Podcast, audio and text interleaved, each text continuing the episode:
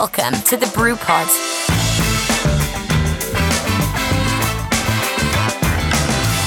Welkom bij de Bierradio Brewpod, de podcast talkshow van bierradio.nl. Dit is de maandelijkse podcast, steeds vanuit een andere brouwerij in Nederland of België, met steeds twee hoofdgasten. De brouwer of brouwmeester van de betreffende brouwerij en een influencer, oftewel een vlogger, een blogger. Mijn naam is Fedor Vogel, uitgever, hoofdredacteur van Biermagazine, Brouwmagazine en Bierradio.nl. En mijn eh, sidekick en partner in crime is Ilko Weininga van Q Creative. Hi Fedor. Mede-initiatiefnemer van, eh, van Bierradio.nl. De Bierradio Brewpod duurt ongeveer een uurtje, bestaat ruwweg uit vier vaste onderdelen. We beginnen met het laatste biernieuws dat we bespreken met onze hoofdgasten. Daarna gaan we naar onze hoofdgast, de brouwer, die we eens stevig aan de tand gaan voelen over zijn brouwerij en zijn visie op de biermarkt. En vervolgens interviewen we de influencer. En we eindigen met het laatste rondje en eh, een aantal ludieke vragen daaromtrent. Vandaag zijn we te gast bij Jopen in de taproom en is onze hoofdgast Michel Ordeman.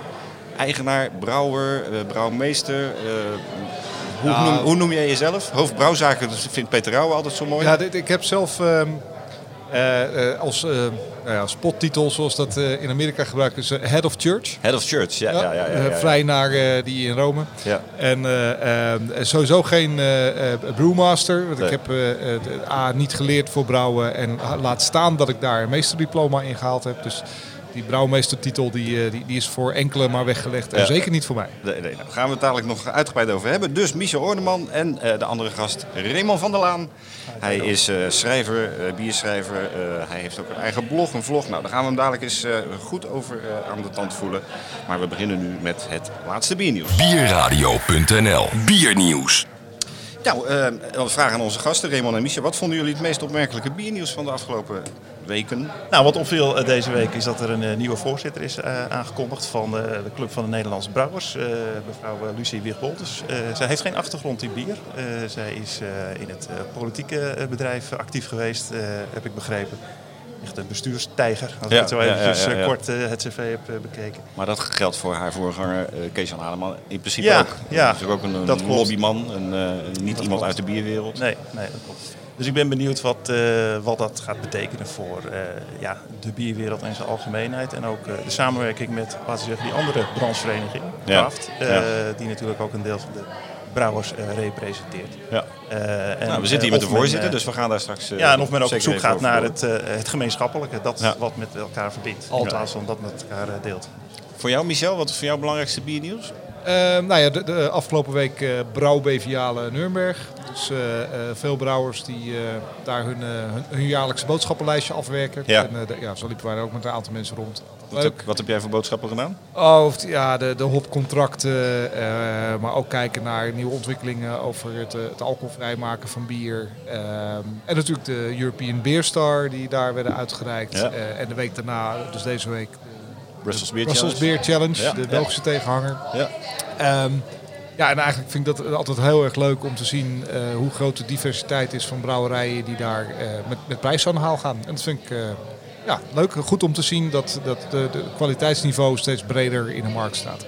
Ik had inderdaad ook staan 21 Nederlandse medailles tijdens de Brussels Beer Challenge. Ja. Vinden jullie dat een mooie score? Of is dat van de 1650 mee, bieren die meededen een, een lage score voor Nederland?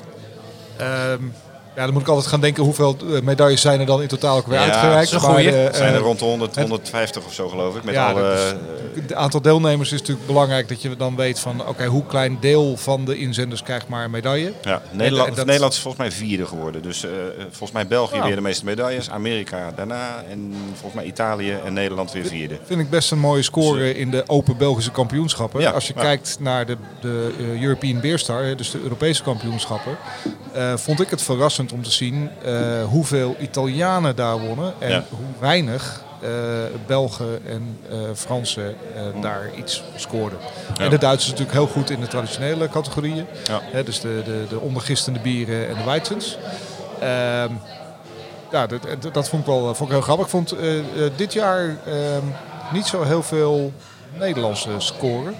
Was zelf blij dat we eh, met een, een, een bronzen medaille voor de, de non-IPA en Ja. een zilver voor de, eh, de triple eh, naar voren mochten komen. Otmar goud met een Otmar goud in de rook. In Ja, in- geweldig. in- in- Ja, ja dat, dat, dat, dat soort dingen zijn dat heel je daar zo'n gouden medaille weghaalt, dat is natuurlijk wel heel, heel gaaf. Ja, ja. en weet je, en, en, er wordt vaak een beetje laatdunkend gedaan over bierwedstrijden. Ja. Eh, maar de- ja, in mijn ogen is het nog steeds de, de enige objectieve manier om je bier te laten testen. Eh, het is een blindproeverij door mensen die eh, weten waar ze het over hebben. eh, Ja. Bierkeurmeesters, eh, mensen met een brouwerijopleiding. Ehm, ja, en, en waar gewoon echt objectief wordt geproefd. Dus als je je bier op een of andere manier wil toetsen aan andere bieren, is, is het nog steeds de enige mogelijkheid. Ja. En eh, met alle respect voor eh, ja, consumentensites als, als Reetbier en Untapped. Eh, geweldige sites als het gaat over eh, je opschrijfboekje wat je gedronken hebt en Ja. hoe leuk je een brouwerij vindt. Maar het geeft voor een brouwer echt nul waarde over kwaliteit van zijn bier. Hooguit over zijn populariteit van zijn brouwerij. Ja, nou, helemaal mee eens. Nog meer nieuws. eh, wat mij opviel, de tweede crowdfunding van, eh, van eh, brouwerij Frontaal in Breda. Die hadden al 800.000 euro opgehaald eh, anderhalf, twee jaar geleden. Zitten nu weer bijna aan de drie ton. Wat, wat, wat moeten we daarvan vinden? Zulke grote bedragen eh, via crowdfunding. Ik denk dat eh Roel onderschat heeft eh, hoe kapitaalsintensief het is om een deftige brouwerij te bouwen. Ja. maar, maar opmerkelijk dat hij toch weer, ook met een tweede ronde, zo snel. Ja, maar ik, denk- ik denk dat ehm, het publiek wel in de gaten heeft hoe, hoe craft beer ondertussen geland is tussen de oren van, van de consument. Ja, ja. Ja, een grote eh, eh, groep mensen hè, die hun volgt. Ik denk dat het daar wel in zit. Ja, en, maar dat, ik denk dat dat. Wij hebben nog nooit crowdfunding gedaan, dus ik, ik moet eerlijk zeggen, ik zou niet weten hoe men erop reageert. Maar het geeft wel hoop, zeg maar, dat als je dat zou doen, dat, dat men daar dan ook in meegaat. Maar ook verplichtingen, crowdfunding. Ja, maar bij een bank heb je ook verplichtingen. Dus iedere, iedere funding die je doet, heeft verplichtingen. ja.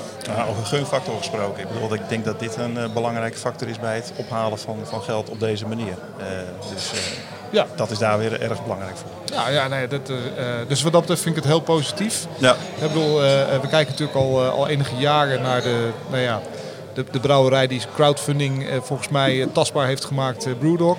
Hè, bedoel, de- als je meer dan 25 miljoen pond ophaalt door middel van crowdfunding, ja, dan, dan zegt het wel iets over eh, hoe leuk bierconsumenten Ja. het, het, vinden om deelgenoot te zijn van een, een brouwerijproject. ja, ja. Ehm, ja, en, en het is natuurlijk, eh, weet je, het, het is misschien een, een groot bedrag wat Roel heeft opgehaald en nu snel een tweede ronde. Eh, maar hij was natuurlijk absoluut niet de eerste brouwerij in Nederland die iets met crowdfunding heeft gedaan. Nee, nee, nee, zeker niet. Nee, nee, nee, klopt. Hey, even over boodschappen gesproken. Eh Scheldebrouwerij koopt een nieuwe fles- en blikken afvullijn op de brouwbrevialen in... Oh, de eh, gecombineerde. Ja, is Ja. Dat, vinden wij dat nieuws? Ah, dat, dat zegt, Scheldebrouwerij? eh, ja, dat, dat zegt Wat iets een over... eh, traditionele brouwerij is, een van de oudste past helemaal in de lijn die we al vaker zien, eh, dat eh, veel meer brouwerijen op blik eh, overgaan. Dus eh, wat mij betreft is dat goed. Ik, ik vind zelf als consument dat ook heel prettig om eh, met eh, blikjes eh, in mijn koelkast eh, te staan. Even los van alle discussies over het nou wel of niet goed is voor het milieu. Het is gewoon in het gebruik ook erg prettig, vind Ja. ik. Dus eh, ik zie dat alleen maar eh, groeien en dit past in deze, in deze lijn. Maar hadden we dit bij Scheldebrouwerij verwacht? Want het is toch, wat ik Ja, zeg, een beetje niet? traditionele craft brewer. maar Een prachtige brouwerij, daar niet Nou van. ja, dat geeft al aan dat het geland is, eh, Ja. zeg maar. Ook bij de... eh, Dus nieuws. Ja, ik, ik weet ook, ik weet ook niet wat zij eh, in hun verkoop doen met export en, eh, en Belgische markt. Ik kan me voorstellen dat de Belgische markt wat behoudender is. Ehm, maar dat er in steeds meer exportlanden eh, wel om wordt gevraagd.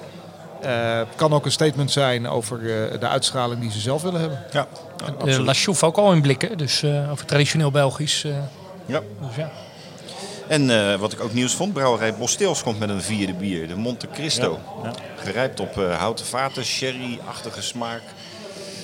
Ja, dus naast de triple carmeliet en de, de kwak en de deus hebben we nu de Monte Cristo. Als ik hem tegenkom, ga ik hem zeker proberen. Ja, ik, ik, ik denk dat ze eh, hebben gezien dat eh, het, het trucje bij Hertog Jan goed heeft gewerkt. Dus waarom dat ook niet bij de andere brouwerijen Ja, uitrollen? ja, ja, ja, ja. Dus dat is dan weer eh, de- de- het effect van de marketeers Je bij bent er niet positief over. zelf Ik, heb, dat weet ik helemaal niet. Nee, nee. Kijk, het is, eh Bosteels is in mijn ogen een brouwerij die eh, met, met een heel klein gamma aan bieren waarin ze heel succesvol waren. Ik denk dat, dat ehm, En zijn.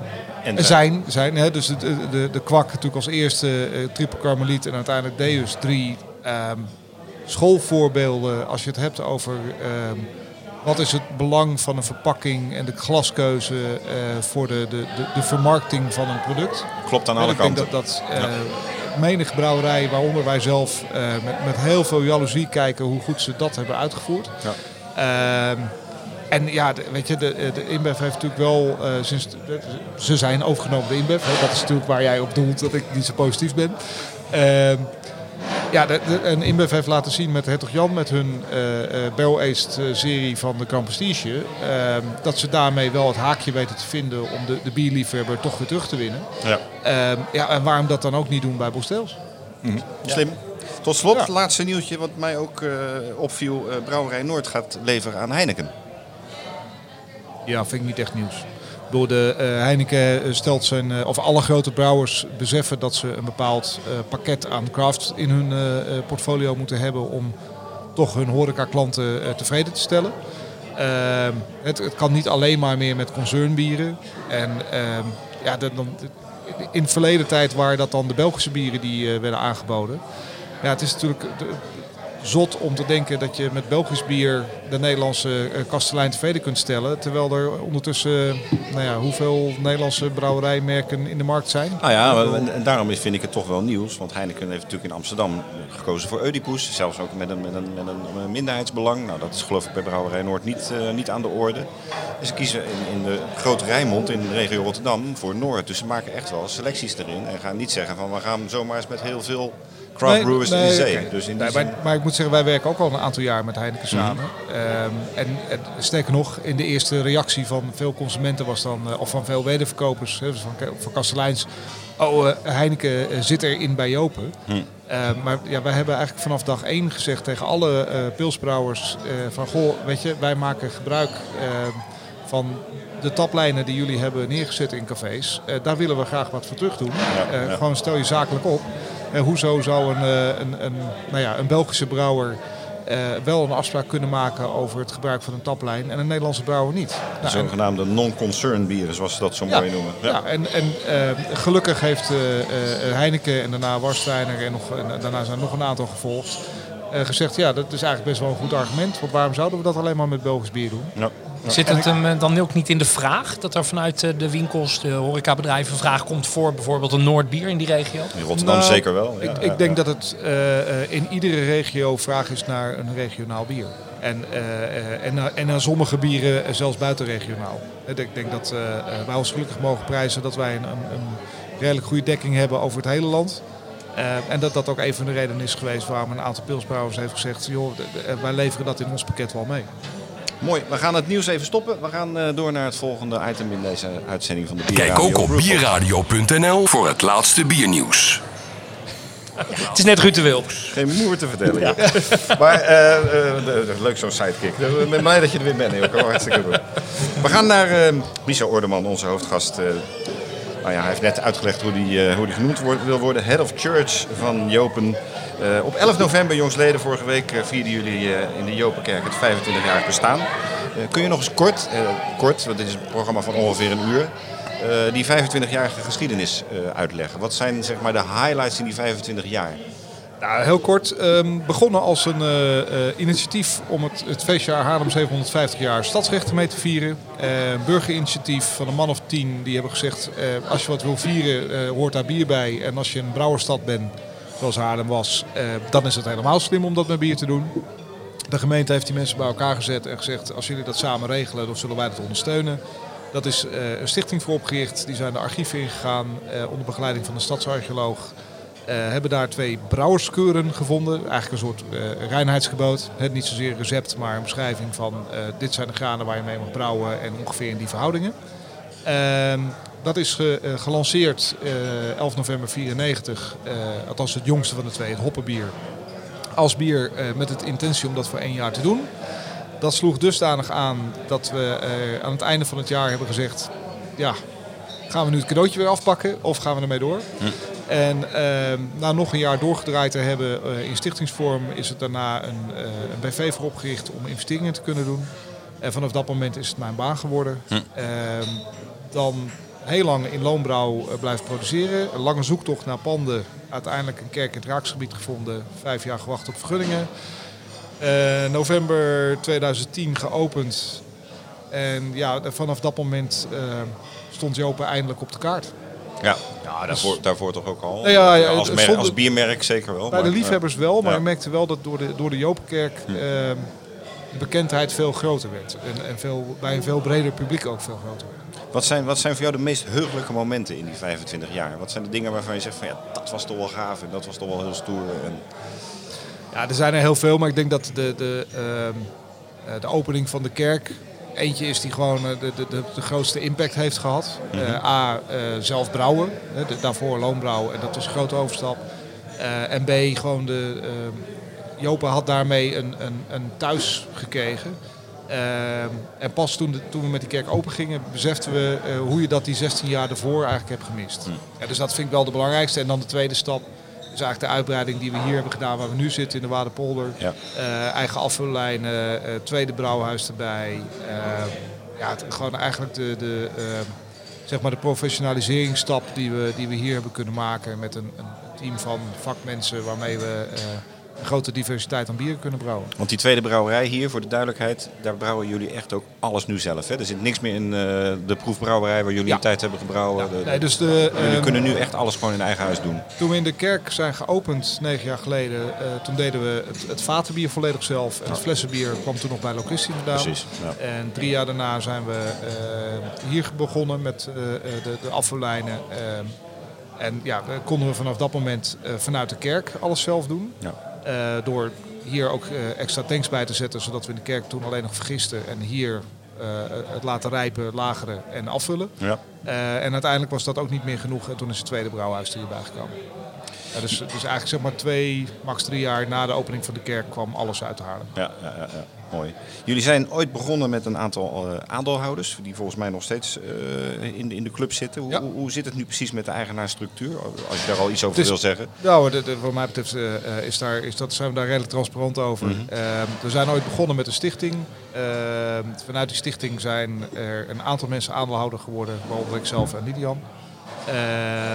En op een gegeven moment eh, eh, waren er ongeveer 25 aandeelhouders. En voor de duidelijkheid, Lidian is jouw vrouw en Ja, mede en- zakenpartner hier in, eh, in dat mooie bedrijf. Hè? hoofdcommercie binnen Jopen, Ja, ja. waar ik me meer met het bier mag bemoeien. Ehm, en eigenlijk met de, de, de, de start van de Jopenkerk werden de, de investeringen dusdanig serieus dat er op dat moment is gezegd van oké, de mensen die meedoen gaan ermee door en koopt de rest uit. Dus toen zijn we teruggegaan van 25 naar een man of 7. Mhm.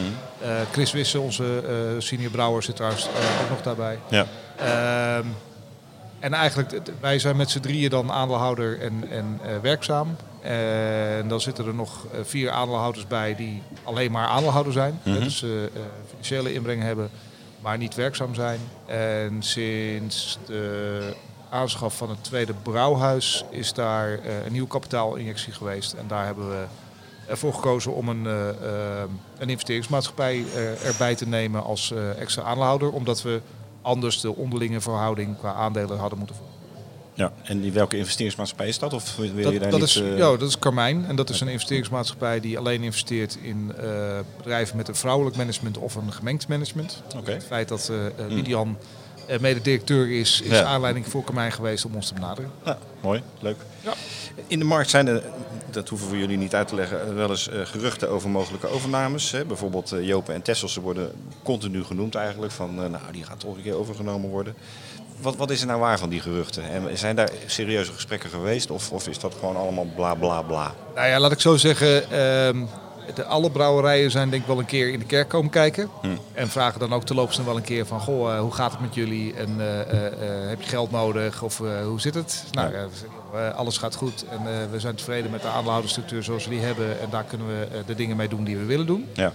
Ehm, maar het is natuurlijk niet vreemd dat dat, dat soort geruchten gaan. Omdat ja, er is gewoon een, een consolidatieslag gaande in de markt. Mhm. We hebben, we hebben ehm, de molen een aantal jaar geleden zien gaan. eh, het ei, Ja. dik twee jaar geleden. En nu recent dan eh Oedipus. Mhm. Ehm, ja, en, ik, en ik verwacht eerlijk gezegd ook nog wel eh, dat er in de komende jaren dat nog wel door zou gaan. ja. Ja. En staan jullie daarvoor open? Of zeg je van nou, wij willen gewoon lekker doorgaan zoals we nu bezig zijn? Ehm, ja, dat is een beetje dubbel. Ik, ik ben, ehm, met Lidian samen voeren wij het management, maar we hebben geen, geen meerderheidsbelang qua aandelen. Hè, dus Menno en eh, eh, jongens van Oedipus en eh, Patrick en Bart van het Ei hadden dat wel. Ja, dus ja. dat is een iets andere situatie. Ja. Ehm, dus stel dat onze mede-aandeelhouders zouden zeggen, jongens, wij zijn er klaar mee en we zetten de tent te koop. Ja, dan, dan, dan gebeurt dat. Ja, dan kan ja. ik dat niet tegenhouden. Nee. Eh, als je vraagt, eh, eh, zijn Lidian en jij daar eh, actief mee bezig en zoeken jullie dat op? Eh, nee. nee, we zijn zelf ons bedrijf aan het bouwen en, en geloven ook om dat eh, op eigen kracht te kunnen doen. Ja. Ehm, en daar zetten we ons dagdagelijks voor in. Ja. Vind je dat niet lastig? Dat idee dat dat, dat toch altijd om de hoek kan komen kijken? Terwijl je bezig bent om echt een bedrijf Ja, maar- steeds groter te maken. Maar het is eh, iets wat vanaf dag één zo is geweest. Dus ja, het is je bent het is. gewend, zou je Ja, zeggen. Ja. Joop is ook onderdeel van Craft. Hè. Je bent zelf de voorzitter, gaan we straks nog even op terugkomen. Eh, Craft staat met name ook voor onafhankelijkheid. Ja. Ehm, ja, je bent ook een groot voorstander daarvan. Ja, dat draag jij altijd uit. Hè. Dat independent logo in Amerika, dat zeggen, vind het, is niet, prachtig. het is niet alleen maar staat voor, het is, het is eh, eh, eh, onderdeel van de definitie van wat een craftbrouwer is. Ja, precies. Nou, dat was mijn vraag. Waarom is het zo belangrijk? Wat, wat, wat is daar... Nou, wat is- heeft de consument daaraan? Ehm, ik denk dat de- het, voor de consument, kijk, laat ik zo zeggen, eh, is het een kwaliteitsstatement dat een bier van een zelfstandige brouwerij eh, beter is dan van een grote brouwerij? Ehm, maar dat, dat zou te kort door de bocht zijn, dat is niet zo.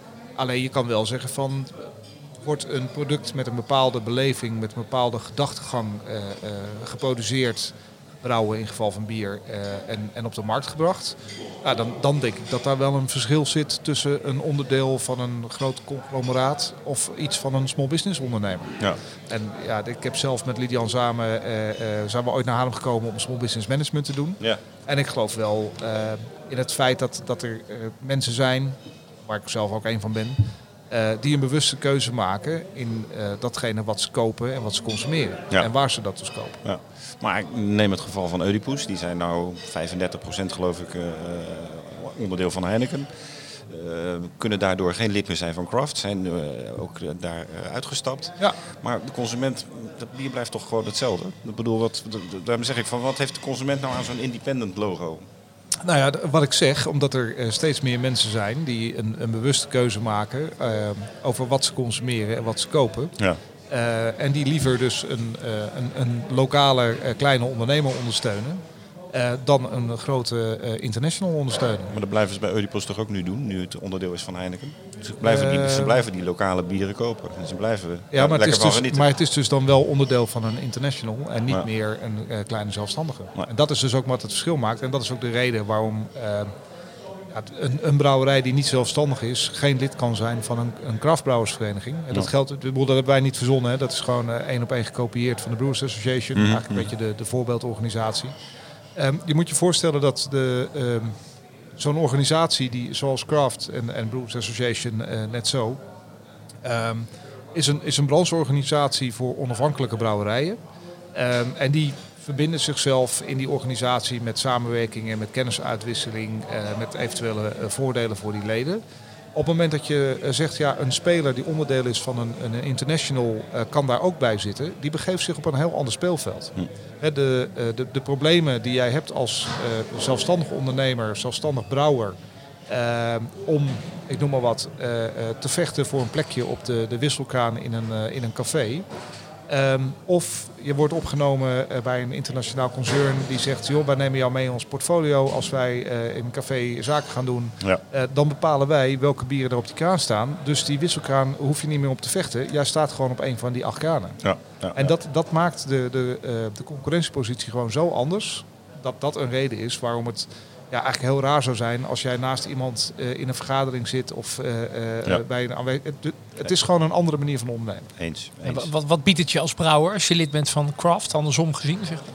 Nou, er, er zijn een, ik kan, het is natuurlijk ooit begonnen eh, eigenlijk als een soort netwerkvereniging. Hè, waar brouwers elkaar zagen, eh, waar ze gezellig een, eh, een biertje met elkaar dronken en eh, de nieuwtjes uitwisselen. Een beetje wat wij hier doen. Eh, en uiteindelijk hebben we gezegd, oké, we willen daarin meer professionaliseren. Dus daar is meer eh, kennisoverdracht bijgekomen. Daar is de, eh, de Dutch eh, Craft Brewers Conference een, mooi voorbeeld van. Een, conferentie gecombineerd met een stukje beursvloer. waarin brouwerijen leveranciers kunnen ontmoeten, maar ook een aantal lezingen kunnen horen op hun vakgebied. Eh, dat is echt iets wat we hebben gekopieerd van de, van de Brewers Association. Die doen dat ondertussen in een eh, driedaags evenement waar eh, 10.000 eh, bezoekers naartoe komen.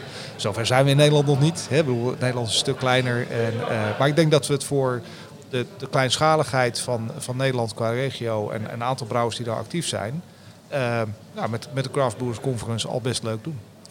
Daarnaast hebben we juridische ondersteuning en inkoopvoordelen. En, zijn er, proberen we ook actief steeds meer te werken aan nog meer voordelen van het lidmaatschap.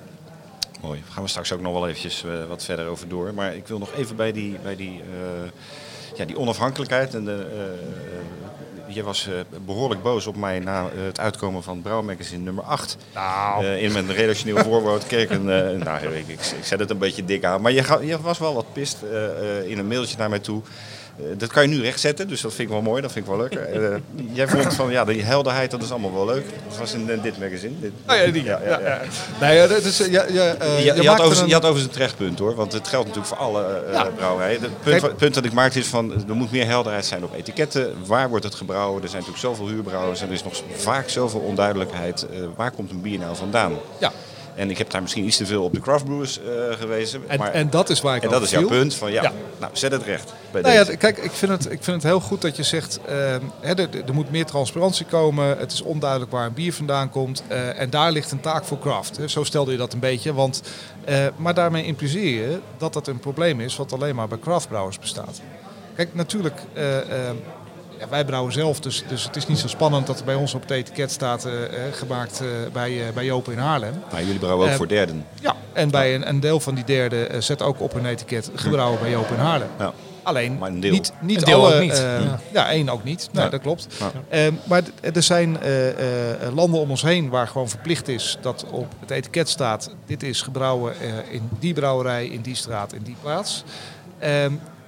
En mijn, mijn argument was naar jou toe van, joh, je, je valt daar eh Kraft een beetje op aan van ja, eh, hè, jullie, jullie zorgen er niet actief voor dat die transparantie er komt. Nou, eh, je kan je afvragen in hoeverre wij eh, als, als vereniging waar een, een 175 brouwerijen bij zijn aangesloten, maar dat betekent ook nog steeds een dikke 500 niet.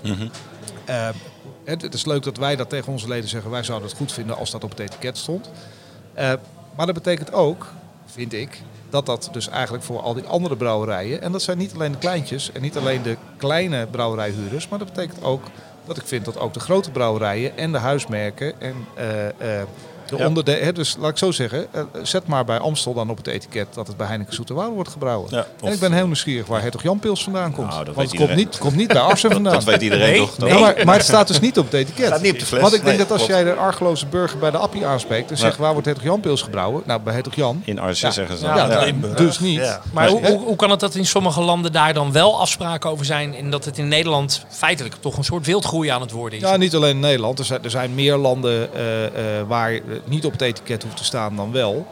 Maar ik weet dat bijvoorbeeld in Finland, eh, als je daar de, de Alco, de lokale staatsslijterij inloopt, en je pakt een flesje van de plank en je draait hem om, dan is het in geval van speciaal bier eh, heel aannemelijk dat op de achterkant gaat, staat eh, produced at proefbrouwerij Locristi.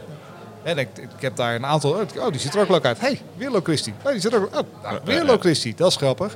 Ja, de, de- in, in Nederland, en nogmaals, ik denk in 90% van de landen in de wereld, is het nog niet zo ver. Mooie En ik taak zou het voor de nieuwe directeur van, eh, van de Nederlandse Ja, Brouwers. ja, als je- In als je- samenwerking met Ja. Ik wou net zeggen, maar ik ben heel ja. nieuwsgierig of de, de, de grote brouwers het ook wel zo leuk vinden eh, als ze dan op eh, een, eh, een flesje best bier eh, eh, of een flesje schuttersbier of een flesje brouwersbier dan ook moet staan waar het gebrouwen is. Ja. Wat op zich nog niks over, Lagunitos bij brand. Nou, ik Ja, in brand. Ja, helemaal. Ja. Ja.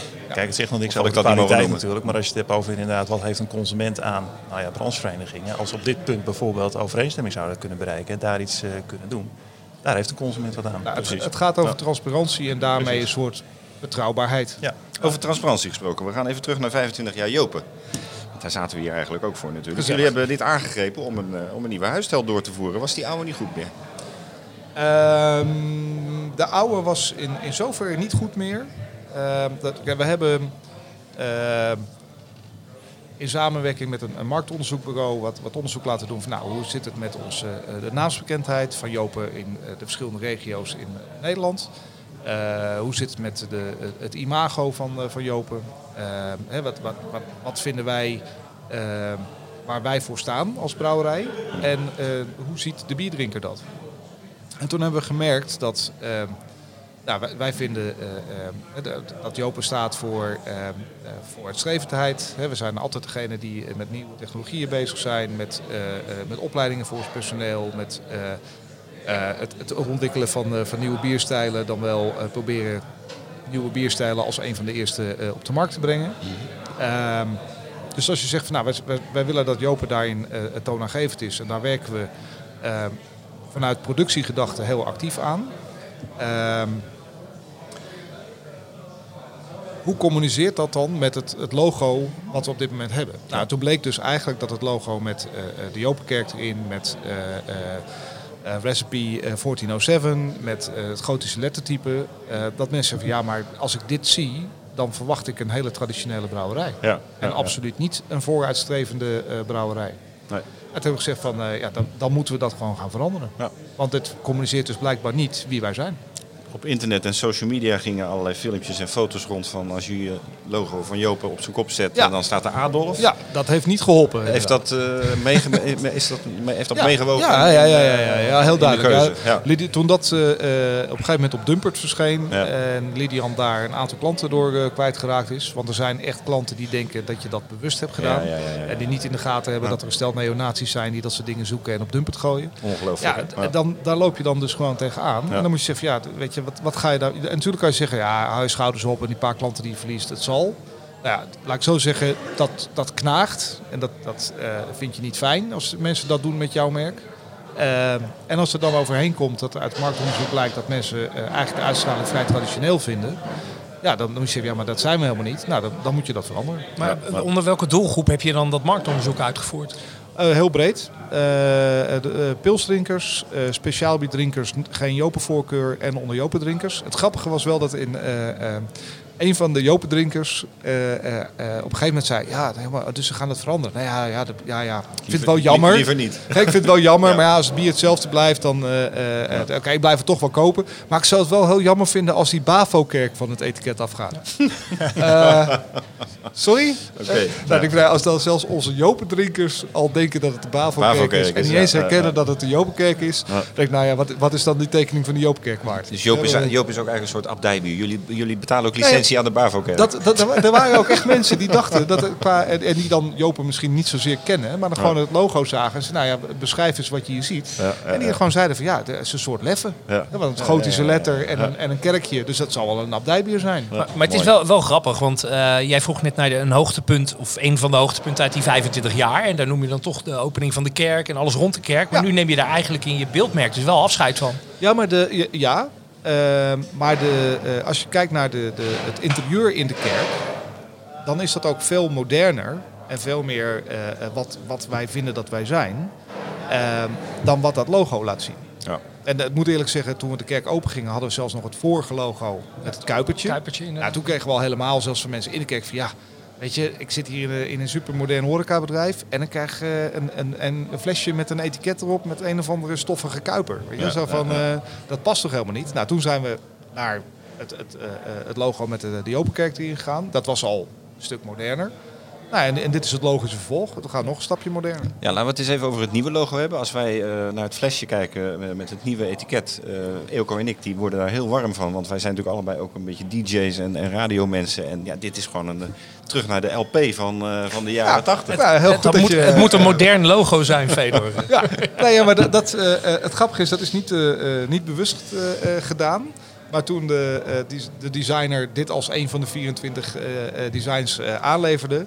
ehm, ja, waren er wel meer mensen die van... Ah, het is net of het eh, de groeven van een LP zijn. Nou, dat is eigenlijk wel grappig. Beetje best- retro, eh, Ja, zeg maar. Ja, en, ja. en we hebben best wel namen die, die verwijzen naar muziekdingen. Zo van, eh, ah, dat is eigenlijk best wel heel grappig. Weet je, zo van... eh, ehm, We zijn al van eh, 1407 naar 1994 gegaan, dus dat is al een behoorlijke ja, ja, modernisering. ja, ja, ja. Gaat snel. Professor Barabas. Ja, maar dat, dat is wel gezegd van, eh, eh, weet je, het zou wel goed zijn om, om te laten zien dat jullie ondertussen, en toen was het dan nog eh, 24 jaar, hè, toen we begonnen met die onderzoeken, zo van, je, dat mag je best laten zien, want dat betekent ook dat Jopen een van de eerste craftbrouwers was in Nederland. En dat straalt wel weer betrouwbaarheid en kwaliteit uit.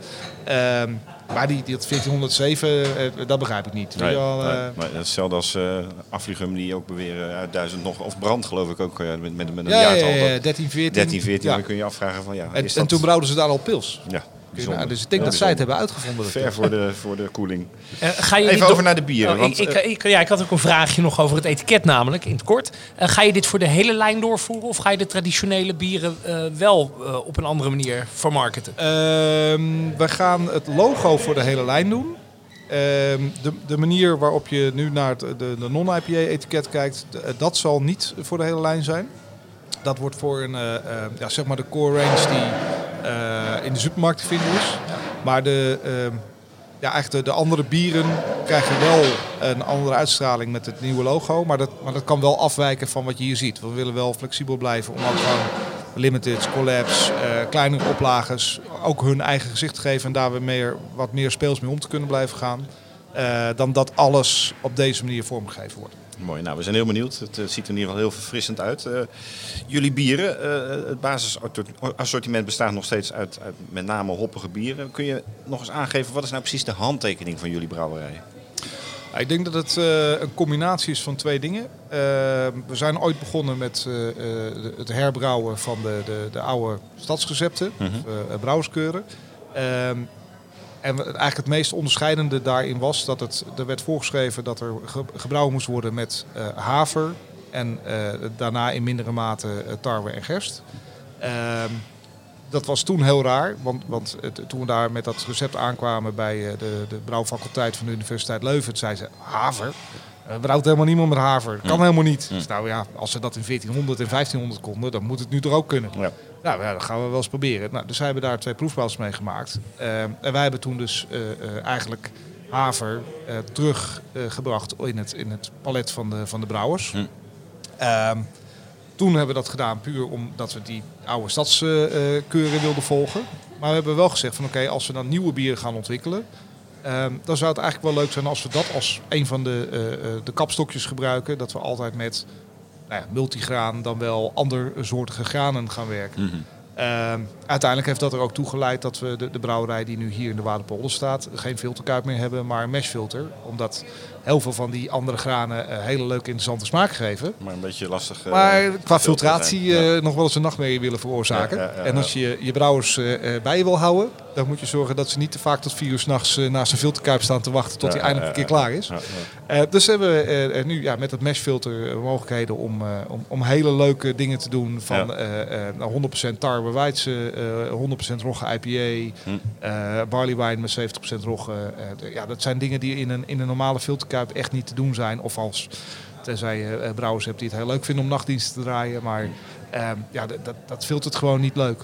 En naast al die specials, eh, noem nog eens even kort, wat is nou jullie core range? Ehm, dus eh, want het tweede wat ik zei, dus het tweede is multigraan, is Ja. zeg maar een, een basisding. En ik zou wel zeggen, ehm, veel van onze eh, eh, belangrijke bieren zijn wel hop forward. Ja. Dus dat, ja, eigenlijk een beetje een combinatie tussen die twee elementen. Mhm. En dat zie je dan terug in de core range die we hebben. Ehm, dus wat van zeggen we van waar, waar ligt nu voor het komend jaar de focus op?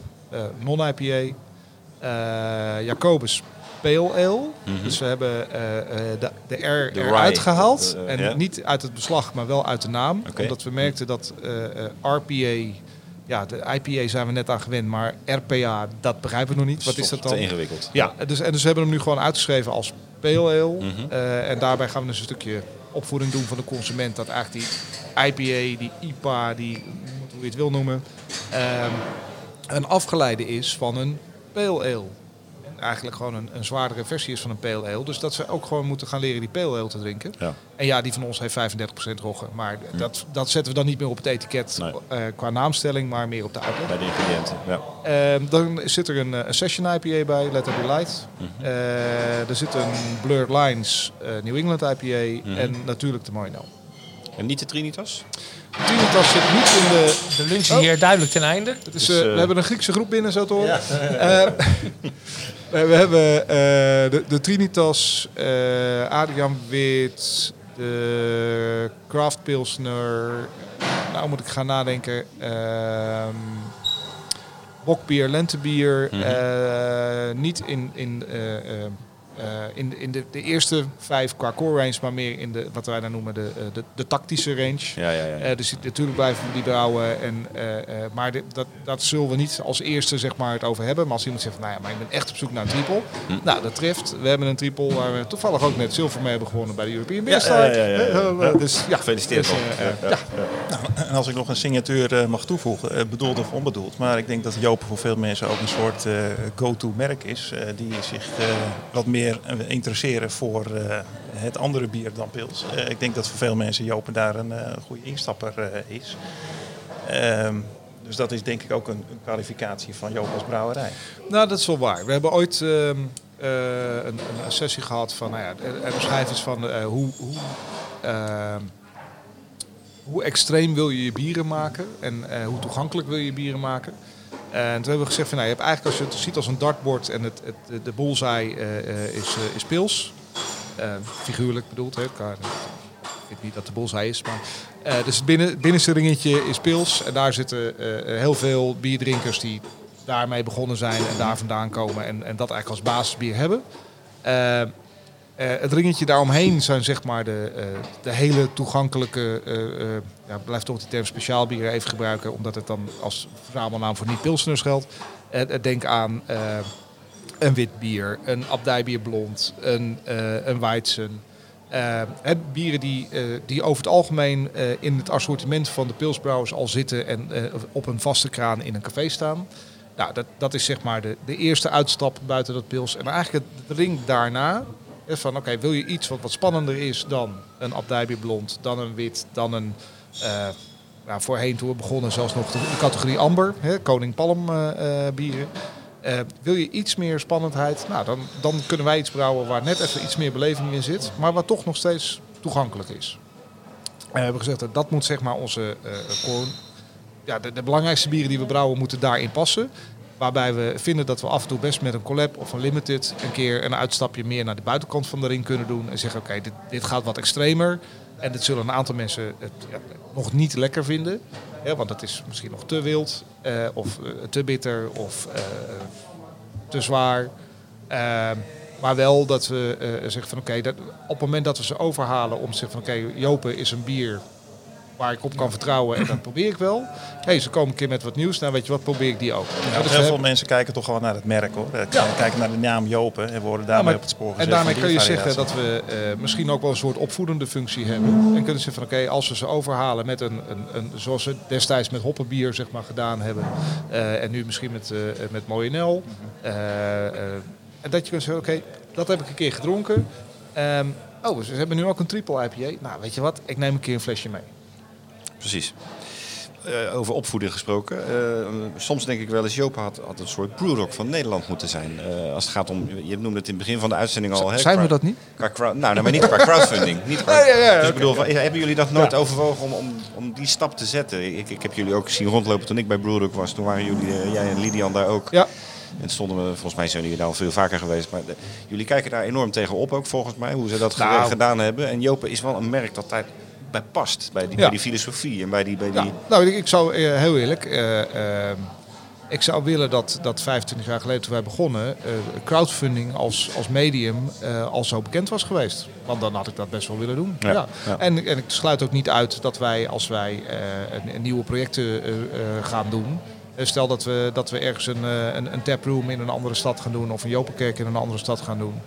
Eh, waarom zou je dat niet met crowdfunding doen? Het is een, een onwijs sympathieke manier om eh, eigenlijk je, je, je fanbase, je drinkers eh, te kunnen koppelen. betrokken aan- te maken. Ja, betrokken te maken aan een, aan een project wat je doet, wat misschien meer in hun omgeving zit. Ja, dus dat zou ik heel graag winnen. En, en opkijken naar Brewdog.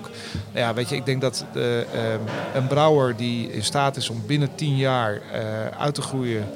ehm, middels een crowdfunding van meer dan 25 miljoen pond.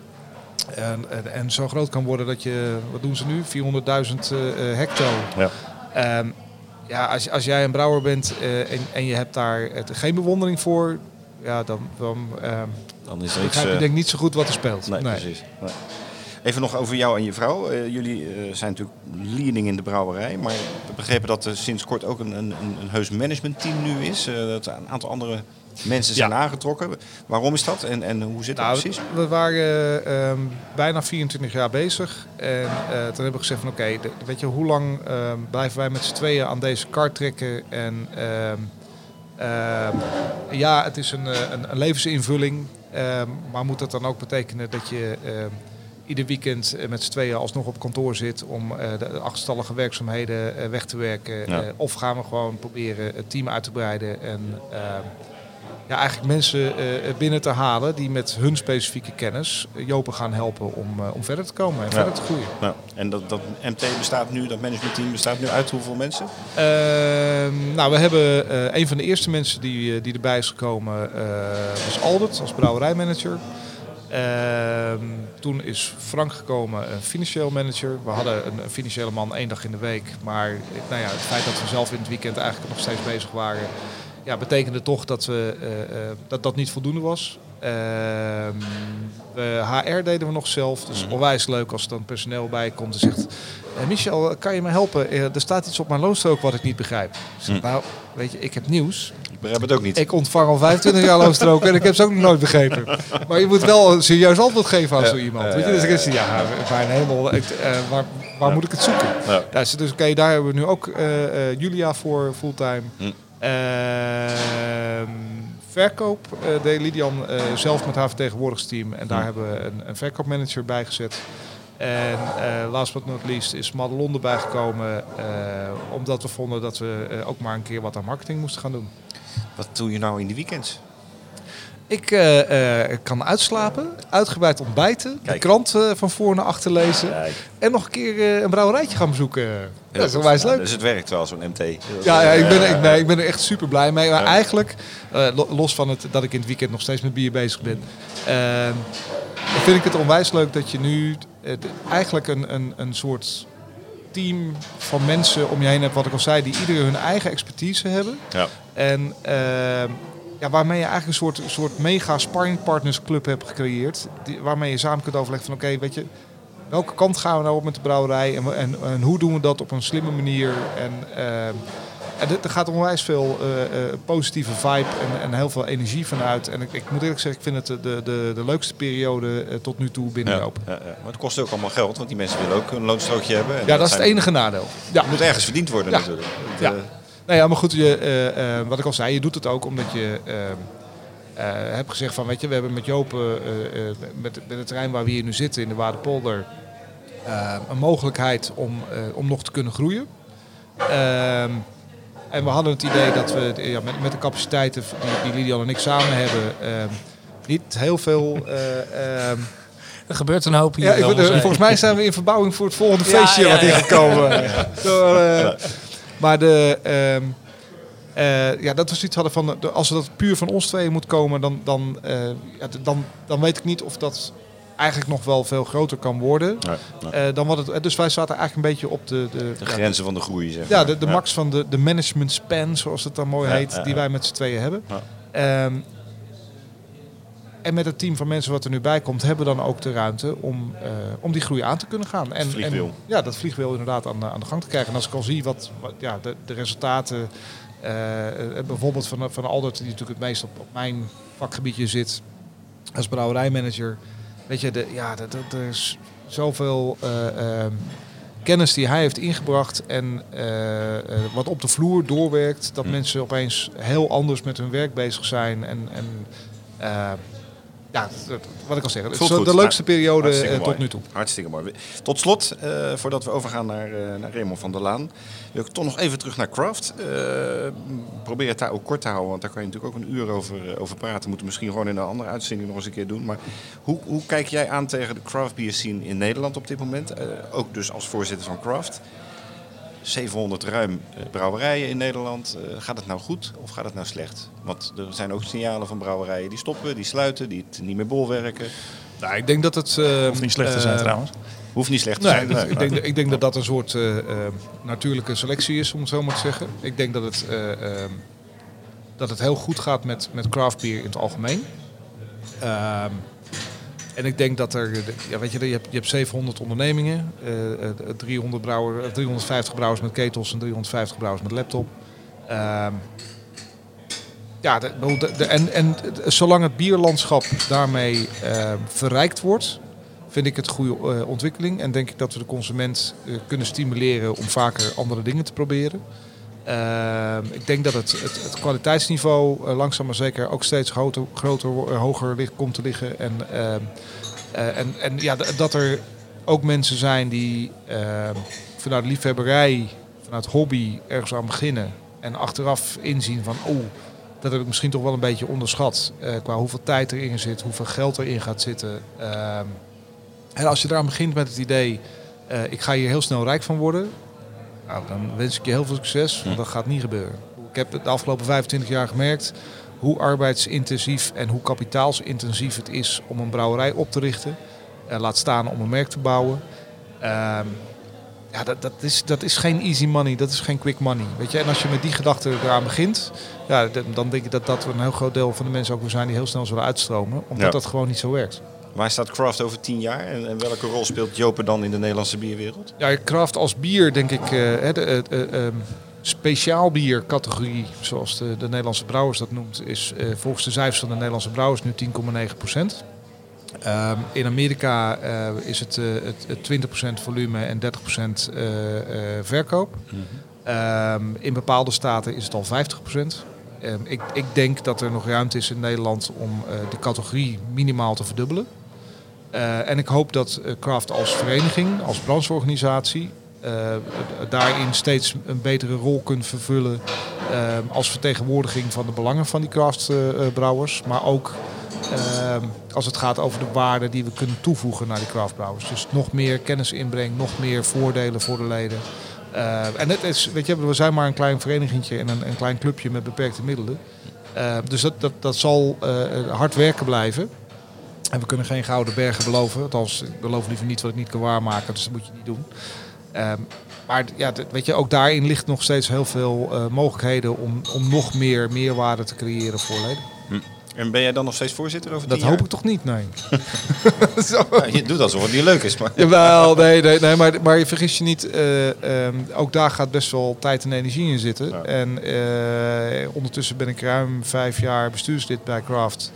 Ehm, en heb ik wel aangegeven dat ik vind dat eh, ehm, er, er, eh, eh, het belangrijk is voor de vereniging dat daar ook gewoon weer verse energie in gepompt wordt. Ja. Om te zorgen dat ook daar de vereniging naar een hoger niveau en het volgende level komt. En ik denk niet dat, ik zeg niet dat ik uitgeblust ben, maar ik heb wel zoiets van, ik denk dat er meer mensen zijn die met, met nieuw elan daar een invulling aan moeten geven. En dat gaat op korte termijn gebeuren? Of, Als het aan mij ligt, zou dat bij de volgende voorjaarsvergadering toch wel mogen zijn. Ja, ja. Nou, dan gaan we dat volgen en dan eh, gaan we dat uiteraard melden bij bierradio.nl en eh, uiteraard al onze andere mooie media. Dank Michel Ordeman voor eh, de toelichting over je mooie brouwerij en eh, je rol eh, bij Craft. This is the Brewpod. Ja, en we gaan over naar onze influencer. We blijven dat afschuwelijke woord gebruiken. Juist omdat iedereen je zich er zo aan ergert. Nou, juist omdat beter mensen woord. dat niet leuk vinden. Oh. Dus eh, nou, dat vind ik wel leuk om dat een beetje te, te prikkelen. En ja, influencer. Jij bent een influencer, eh, Raymond. Je bent bierschrijver, je bent blogger. Je hebt een prachtige website bieraficionado.com of Ja. .nl. Eh, punt .com. Ja. .com. Ja. En, eh, je hebt net een nieuw boek uit eh, bij een hele goede uitgeverij Een hele eh, in goede Zwijndrecht, eh, uitgever, weet ik ja, toevallig. ja, Dat, ja, eh, ja. Daar gaan we zo wat meer over vragen. Maar hoe lang, wie ben je en hoe lang ben je al actief in de bierschrijfwereld? Eh, nou, een jaar of vijf om eh, die laatste vraag eh, te beginnen. En wie ik ben? Ja, iemand die van bier houdt. Ja. En eh, dat al heel lang, iets langer dan vijf jaar. Maar je schrijft voor de Volkskrant, je bent freelancer. Ja, ik, ben, ik, ik presenteer mezelf altijd als freelance bierschrijver. Ja. Ja. Dus ik schrijf over bier en op, op plekken en podia waar ik dat kwijt kan. Ja, ja. En dat is inderdaad in Volksman Magazine ben ik aan verbonden. Mhm. Maar ook eh Mitra Magazine, eh, eh, het, het Bier Magazine, Ja. van diezelfde hele goede uitgever. Mhm. Ehm, eh, Albert Heijns Hop Magazine, nou ja, en wat iets meer zei. En ik doe ook mee aan juries, ik doe ook presentaties, lezingen, dat soort zaken, als dat zo Ja. op mijn pad komt. Allemaal vanuit de gedachte om mensen in aanraking te komen en te enthousiasmeren met biervariaties. Jij schrijft alleen over bier of doe je ook andere schrijfklussen? Nee, gaat alleen maar over bier. En het is ook eh, gewoon iets wat ik doe naast mijn eh, normale werk. Oh, je hebt nog normaal werk ook? Normaal werk, ja. ja dit is, dat bier is volkomen abnormaal. Nee, hoor. Eh, en dat heeft verder niets met bier te maken. Dat Wat is heeft jouw met, normale eh, werk met, met computers en telecommunicaties te maken. Ah, dat wist ik niet. Ja. Dat is voor mij ook weer nieuw dit. Ja. Vertel. Nou ja, dat is boring. Zitten hier over bier, hè? ja, Fedo heeft nog een laptop die het niet doet. Eén dag in de week. Van Nee, 24 momenteel, uur vier dagen. Ja, Vier dagen, oké. Oh, en, dat het, eh, en het schrijven, ja, dat is puur eigenlijk gekomen uit enthousiasme. Je, je begint te vertellen over mensen. Hè, het begint allemaal in de tijd dat mensen zeiden van, huh, ja, bier, jij bent toch van bier, maar ik proef geen verschil hoor, tussen Amstel en Heineken. Nee, nou, dan moet je uitleggen dat er wel iets meer bestaat. Ja. En dat is eh, ja, eind jaren tachtig eigenlijk al ben ik begonnen met het zoeken naar biervariatie. Ja, ja, dus nooit kijken wat er uit de pomp komt, maar altijd wat er in dat koelkastje daarachter eh, stond. ja, ja. En daar trof je dan een Hoegaarde Krankru aan of een, eh of een Duvel of een Westmalle Triple of een openingshommel als je echt geluk had. Ja, ja, ja, ja. ja. Nou ja, dan, eh, de interesse was wel snel gewekt eigenlijk. En eh, dan ga je dus op biertour naar Ja. België. Ja, ja, Hè. Want dat was en is denk ik nog steeds het beloofde land als het om biervariatie gaat. En ja, zo rol je daarin en eigenlijk nooit meer gewoon pils gedronken. Altijd Hm. gekeken wat er allemaal is. En eh, ja, dan begin je mensen te enthousiasmeren, je begint erover te vertellen. Je gaat je sportvereniging meenemen naar, eh, naar kroeg in Amsterdam en eh, je doet proeverijen. En nou ja, goed, op een gegeven moment denk je, Van het een komt het ander. van het een komt het ander. Ja, op een gegeven moment denk je, ja, de krant mag ook wel eens over bier schrijven. In plaats van altijd meer dat geëikte wijnverhaal bij, in de culinaire sectie van de weekendbijlage. Ja. Nou ja, dan, komt, dan rol je van het een in het ander inderdaad. Ja. Deze week eh, komt dus je tweede boek uit. Opwaaiend schuim heet Ja. dat. Je eerste boek was Dit is een boek over bier. Dit is een boek over bier, dat is het eerste boek. Ja. Ja, ja. Wat, wat, wat waar verschilt het tweede boek van het eerste boek? Nou, het eerste boek was puur bedoeld om mensen die eh, wel geïnteresseerd zijn in biervariatie, maar het nog niet zo goed eh, kunnen, kunnen vinden en een beetje de weg zoeken eigenlijk, om die op weg te helpen. Hè? Uitleggen wat het verschil is tussen een saison en een porter. door een stijlomschrijving te geven en een aantal voorbeeldbieren daarvan eh, te beschrijven. Eh, en dit eh, tweede boek, Op Waar en Schuim, is echt een boek over eh, reizen. Reizen in feite. Want bier is een hele goede reden om ergens te komen waar je anders niet zou komen. En om mensen te ontmoeten die je anders nooit ontmoet zou hebben. Ja, ja, ja. Dat is voor mij een van de grootste ja, attracties eigenlijk van bier, los van de drank zelf. Maar het feit dat je dus met hele bijzondere mensen in aanraking komt op allerlei bijzondere plekken. En Ja. Over de laatste drie jaar eh, ben ik op heel veel plekken geweest. Daar heb ik over geschreven eh, in, in eh, jouw blad, Hm. op mijn blog en wat iets meer zijn. En ik dacht, die gaan we samen nemen, uitbreiden Ja. tot, een, tot een mooi boek van 192 pagina's met bierreisverhalen. Ondertitel is ook Verhalen van een bierdrinker. Ja. Ik zeg wel eens tegen mensen, ja, ik drink en ik schrijf. En dat klinkt treuriger dan het is. Ja, ja, ja, ja, daar moet je tegenwoordig mee uitkijken. Ja, maar- ja, precies. Ja. Alsof je op een of ander zolderkamertje een beetje eh, sneu zit te zijn als ze onbegrepen schrijven. Maar nee, dit is gewoon eh, het, het enthousiasme wat je hebt door op plekken te komen van, van rare Noorse boerderijbieren in diepe fjorden Ja, tot Amerikaanse bieren in New England, tot aan een Italiaans druivenbier en nou ja, van alles wat. Ja. Een stuk of dertig verhalen staan erin. Mhm. Eh, en, en daar gaat dat dus over. Dus het is geen uitlegboek. Het is niet alleen België, Nederland. Het, is, het gaat verder dan dat. Noorwegen, En, eh, Denemarken, Italië, Verenigde ja. Staten, Engeland, Ja. eh, van alles. Bezoek jij die plekken dan alleen? Of ga je dan met groepen? Of hoe gaat dat? Ik doe veel met, eh, met mijn vrouw samen. Die vindt het gelukkig ook leuk. Hm. Dat, eh, dat scheelt. Ehm, eh, en ook met, met vrienden eh, gaan we op pad. We Naar, naar Cantillon, naar het eh, Quintessence evenement Ja, hè, ja, eh, ja, ja. bijvoorbeeld. Waar ze dan eh, allerlei mooie gerechten serveren bij al de bieren die je dan tijdens Ja. een, een self-guided tour door de brouwerij allemaal tegenkomt. En dat doen we dan gewoon met, een- met een clubje, eh, Ja. met, met vrienden. En dan eh, maken we daar een leuk uitje van. Ja, leuk, leuk. Wat eh, kunnen bierliefhebbers vinden op jouw blogsite, bieraficionado.com? Wat, wat, eh, waarom moet iedereen daar eigenlijk vanaf vandaag heen? als, als ze dat niet al doen. Eh, het, is, het, is, eh, bevat informatie hè, over eh, dingen die je zou willen weten over bier. Maar de laatste tijd steeds meer vaak ook over opinie. Gewoon hoe ik tegen dingen aankijk. Ehm, en natuurlijk ook gewoon een link naar de publicaties die ik her en der heb. Jij zegt opinie hoe ik tegen dingen aankijk. Hoe kijk Ja. jij tegen dingen aan in, in de zin van de bierwereld? Wat, wat is jouw... Een hele brede vraag. Ja, is het ook, maar... Nou, ik, ik bekijk het vooral vanuit de consument. Ik Mhm. merk dat heel veel discussies binnen de wereld gericht zijn op eh, de bierwereld zelf. Mhm. op, de, op de kaastolp, maar dan de bierstolp. Eh, en, en de eigen navel. Eh, discussies inderdaad over of een huurbrouwer wel een echte brouwer is. En dat soort dingen. Kijk, de realiteit is dat de meeste consumenten daar helemaal niet mee bezig is. Eh, ik, ik kijk vooral naar die 95% mensen die gewoon elk weekend een kratje pils kopen. Wat toevallig die week in de aanbieding is.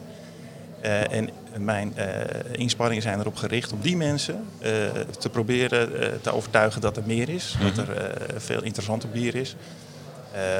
Ehm, en en daar, daar gaat het om. Dus alles wat ik hoor en zie, dat bekijk ik vanuit de rol van de consument, vanuit de ogen van de consument. Hè. En ik neem dan gewoon, eh, bij wijze van spreken, mijn buurman even als, eh, als eh, archetypische bierdrinker eh, in het oog. En ik denk, hoe zou hij, eh, of mijn buurvrouw, hoe zou zij tegen eh, eh, deze discussie aankijken? Ja, ja, en probeer vanuit die invalshoek eh, daar een andere kijk op te geven. Ja, mooi, duidelijk.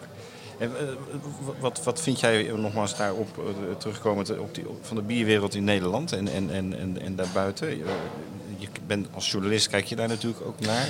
Nou, het is weinig vergeleken met wat er in het buitenland gebeurt, weinig onderscheidend. Eh, er wordt wel eens gesproken over de biercultuur in Nederland. Maar laten we niet vergeten dat het allemaal kopieën zijn. Kopieert bier vanuit andere landen. Eh, Er is geen Op de kuit en de hop en bier na van. eh, nou ja, precies. Eh, we hebben natuurlijk wat historische bieren. Eh, er zijn ook mooie boeken over geschreven. Ja. We hebben een Nederlandse versie van Bok. We hebben een Nederlandse versie van Dort. Ook bijna uitgestorven overigens. Ja. Eh, eh, maar voor de rest doen we vooral wat andere brouwers in het buitenland doen. Ja. Kijk, eh is niemand vaak kennen die weten dat Italië een stokpaardje van me is. Daar gebeuren hele mooie dingen. Ja. Eh, een van de voorbeelden is bijvoorbeeld het Italian Grape Ale. Hè, de hybrides tussen bier en wijn. Ja. Die daar zijn uitgevonden. Waarom? Omdat Italianen gewoon altijd op zoek zijn naar smaak. En ondanks dat ze eigenlijk relatief kort bezig zijn met biervariatie... zijn ze wel al ontzettend ver in het ontwikkelen van nieuwe dingen. Ja, ja. Nou, eh, er is eh, bijvoorbeeld een ander voorbeeld dat ook in het boek staat. het Noorse kwijkbier. Hè. Kwijk is een, Ja. een typische gist. Geen wilde gist, maar een gedomesticeerde gist. Ehm, die daardoor eh, de, de, de lokale bevolking eh, wordt gebruikt eh, om in hun boerderij gewoon bier te maken voor eigen gebruik. Nou, Ja. dat is recent ook weer op platformen gehezen. Dat heeft nu heel veel aandacht onder brouwers. ja. Dat zijn dingen die horen bij een biercultuur van mij, wat Ja. mij betreft. Of het, het kaasbier uit Engeland bijvoorbeeld. Kijk, dat zijn typisch dingen die bij een cultuur horen. Nou, Het- het grappige Nederland heeft dat niet zo. Nee, nee, precies. Maar het grappige vind ik, jij zegt aan de ene kant van ik wil de bierconsument die eigenlijk helemaal niet daar zo heel erg mee bezig is, soort van opvoeden. Aan de andere kant zijn dit inderdaad verhalen die misschien toch wel meer op de biergeek gericht zijn dan op de, de bierconsument. Of- Ja, weet ik niet. Ik hoop het niet. Ik hoop dat eh, ook mensen die helemaal niet met bier bezig zijn... Dat die dit eh, juist dat, interessant dat vinden. die dit interessant vinden. Ja. Ja, want eh, als jij in Italië op vakantie bent en je grijpt automatisch naar een fles wijn... omdat je denkt dat dat bij het land hoort... Maar je komt er door eh, mijn schrijfsels achter dat er meer is in Italië. Eh, ik heb ook eh, eerder dit jaar op een evenement gestaan dat gaat over Italiaanse gastronomie, gastronomie en Mhm. vakanties en dat soort zaken. Daar heb ik proeverijen gehouden met Italiaans bier. Nou, mensen wisten niet wat ze, wat ze tegenkwamen. Die, die dachten helemaal niet aan bier bij Italië. Nou, er stond ook een stand van Peroni. Ja. Ik zei, ik ga het over Italiaans bier hebben, maar niet over Peroni. Ik ga het over dit en dit hebben. En als mensen er dus vanuit die hele andere invalshoek toch op dat idee komen van verrek. Bier is ook interessant om allerlei redenen. Nou ja, dan heb ik mijn doel bereikt. Maar vind jij niet dat je eh, de Nederlandse biercultuur dan zo gezegd een beetje tekort doet, doet door te zeggen dat het heel veel kopieergedrag is? Nou, ik ben niet bang om wat, eh, om wat eh, prikkelende uitspraken te doen. Net als velen uh, overigens. Eh, nee, maar dat, dat, ja, geef, geef me een voorbeeld van iets wat wel typisch Nederlands is. Ja. Maar is het, is het ook niet zo... ehm, eh, is het ook niet zo dat dat gekomen is omdat je eh, zeg maar 100 jaar opkomst hebt gehad van biercultuur in de vorm van monocultuur, pilscultuur? En dat ehm, het eigenlijk pas 30 jaar zo is dat we weer andere bieren eh, eh, zijn gaan brouwen. Maar dat er geen heritage is als het gaat over eh, sinds die tijd gebrouwen. Bedoel, de trappistenbieren in België zijn niet 100 jaar weg geweest Nee. en nu weer hergeïntroduceerd. Dat is er altijd geweest. Cascale Nou, in Engeland eh, is er altijd geweest. Ja. En dat- laat ik zo zeggen, is niet van de afgelopen 30 jaar. Trappistenbier is ook minder oud dan je denkt hoor. Eh, overigens. Ja, wel, maar, die, ook- maar die, eh, eh, dat er gebrouwen wordt bij... Er werd wel gebrouwen in de, in de, in de abdijen vroeger, in de middeleeuwen. Wel langer dan dat 30 was, jaar in ieder precies, geval. Ja. Ja, nou, moet je volgens Roel Mulder uitnodigen. Die kan Ja, het allemaal ja. haaf en uitleggen. Ja. Nee, dat, Nee, maar dat- dat, dat klopt natuurlijk, sinds dat klopt 1925 bestaat. Bedoel, dat bedoel ik niet. Maar Ja. 1925 is alsnog bijna 100 jaar. Ja, dat is waar. Nee, dat klopt. Eh, die andere landen, Noorwegen en Italië, hebben natuurlijk datzelfde eh, gekend. Eh, want het betekent dus niet dat je niet iets nieuws zou kunnen doen. En in Nederland zijn er natuurlijk ook wel voorbeelden van. Ik vind bijvoorbeeld Nevel een voorbeeld van een brouwerij die iets doet wat anderen niet doen. Als je het hebt over Ja. een brouwerij die onderscheidend is, nou, dan is dat een heel goed voorbeeld, Ja. vind Ja. ik. Dus het wil helemaal niet zeggen dat het per se in, in de geschiedenis moet zitten. Het kan ook iets nieuws zijn. Maar dan is het vaak toch geïnspireerd op iets bestaans. Tuurlijk. Het, Ja. Alles wat we hier doen is altijd geïnspireerd op iets anders. Maar is dat niet gewoon in heel de wereld eigenlijk? Ja, de IPA in Amerika is ook gebaseerd op de oude IPA-recepten uit. Engeland. En, Inderdaad. Kijk, het, wordt, wel- eh, het wordt wel heel filosofisch, jongens. Nou, Ja, mooi hè? Laten we er nog één nemen. gewend. Ja. ja, nee. Nee, maar ik vind het wel mooi, eh, want je bent, in- in die zin ben jij een echte influencer. Hè? Dan komen we toch weer terug op dat woord. Want jij wilt met jouw teksten... Ik ga er niet jouw- in mee hoor, in die, eh wat die het Jij wilt, met, jij wilt met jouw teksten en, en, en eh, verhalen wil jij mensen beïnvloeden als het gaat om, kijk, dit is er ook. ja, klopt. Nee, dat is inderdaad eh, met drijfveer, ja. Ja. Welke blogs en vlogs eh, of biermedia volg je zelf graag? Eh, nou, dat zijn er een paar. Ik vind bijvoorbeeld Jeff Alward van Birvana blog erg interessant. Amerikaanse schrijver is dat, die ook wel ja, een eigen kijk heeft op de, op de bierwereld. Good Beer Hunting is een hele mooie. Het is een soort online magazine eigenlijk. Heeft hele mooie reportages. Ehm, in Engeland verder ook eh, eh, Martin Cornell en Ron Patterson. eh, dus Zytofile.co.uk als ik het goed zeg. Ja. En Shut Up About Parker Perkins. Dat zijn interessante blogs. En in Nederland kijk ik regelmatig op verlorenbieren.nl of Roel nog iets nieuws heeft. Ja, dat, ja, ja, vind, ja. dat vind ik altijd super interessant. Wat die, Ja. ja. Dus dat zijn een beetje mijn, mijn favoriete Mooi, mooi. En, en luister je ook naar bierpodcasts? Zeker. Ik zit niet op een complimentje te wachten. Nee, ik moet, ik moet nog wel ja zeggen. Er zijn er meer, dus... eh, nee, maar ik bedoel, Ja, nou, is een ik, nieuw eh, item. eh. In Amerika klopt, zijn er enorm veel bierpodcasts. en hier is het allemaal nog een beetje in de kinderschoen. Ja, ze staan wel allemaal op bierradio.nl. dus. Tuurlijk, Ja. wat dacht je? Ja. Bierradio ja, ja, eh, en lullen over bier. Dat, ja, ik kan niet zeggen dat ik het echt volg. Maar als ik even tijd heb en Ja. ik denk eraan, dan eh, start ik er wel eentje op, ja. Dat is ja. van podcast, hè? Ja. Je kan dat doen wanneer jij er eh, tijd en zin voor hebt. Nee, maar zoals is altijd een discussie met Luc de Rademaker over de, het zin en onzin van bierwedstrijden. Nou, dat vind ik interessante onderwerpen. Ja, ja, ja, ja. Kon je Luc wel verstaan? Ik wel. Ik kan Luc heel goed verstaan hoor. Ja. Ik kan terugluisteren totdat je het wel Ja, begrijpt. ik ga Luc nog even bellen vanmiddag. Dus eh, dat komt Ben ik wel nieuwsgierig wat zijn insteek was eh, qua eh, zin en onzin eh Ja, bierwedstrijd. dat is een heel lang verhaal. Was dat het is een, een podcast van een uur, dus ik zou zeggen, hem een keer. Die ga ik nog even opnieuw luisteren. Ja, ja, ja, ja. van eh, Lullen over bier, van de jongens van Van der Streek. die hebben hem eh, geïnterviewd. Kritisch als ze zijn, hartstikke leuk. Mooi, mooi verhaal. We gaan eh, door naar het laatste rondje. Want we zijn inmiddels volgens mij het uur al, al ruim gepasseerd. Zeven minuten Zie gepasseerd. je? al, ja. Dus eh, we moeten een klein beetje de tijd in de gaten houden. Eh, Michel, wat is het belangrijkste nieuws waar jullie nu mee bezig zijn? Behalve natuurlijk de nieuwe huisstijl. Ehm, nou, er zijn eh, twee technische ingrepen. Als je het hebt eh, eh, op mijn vakgebied qua brouwen. Eh, we zijn eh, de, de laatste eh, aanpassingen aan het doen in de, in de brouwzaal. Eh, we moesten wat. eh, eh, of moesten, we vonden het nodig om eh, de, de eh, te veranderen en in de maisketel wat bevel plates, oftewel een, mooiere menging van, de, eh, van het beslag te krijgen. Zowel hier in de Waardepolder als, als in de kerk. Dus zeg maar een eh, procesoptimalisatie om het beslag nog mooier te maken dan wat dan Een, een technische update of, een, eh, of je, hebt- je Ja. gaat hem laten chippen, zeg maar. eh. Nee, ja, er- komen een bepaalde plaatjes aan de binnenkant van de beslagkuip, waardoor de menging anders wordt en waardoor hij mooi, mooier homogeen wordt dan, Hm. dan wat hij nu is. Dus Mooi. het is een, een, een verbeterproces. Heel goed. En, heel en goed. daarnaast nou ja, de, de tweede etiketteerlijn die erbij staat, waarmee we niet alleen maar natlijm kunnen doen, maar ook stickers kunnen doen. Wauw. Dus dat is dan een, een stukje uitbreiding. Ra- Raymond, wat vind jij de beste ontwikkeling op biergebied in Nederland? Jemig. Beste ontwikkeling. op- Eh, nou, dat er steeds meer, eh, ja,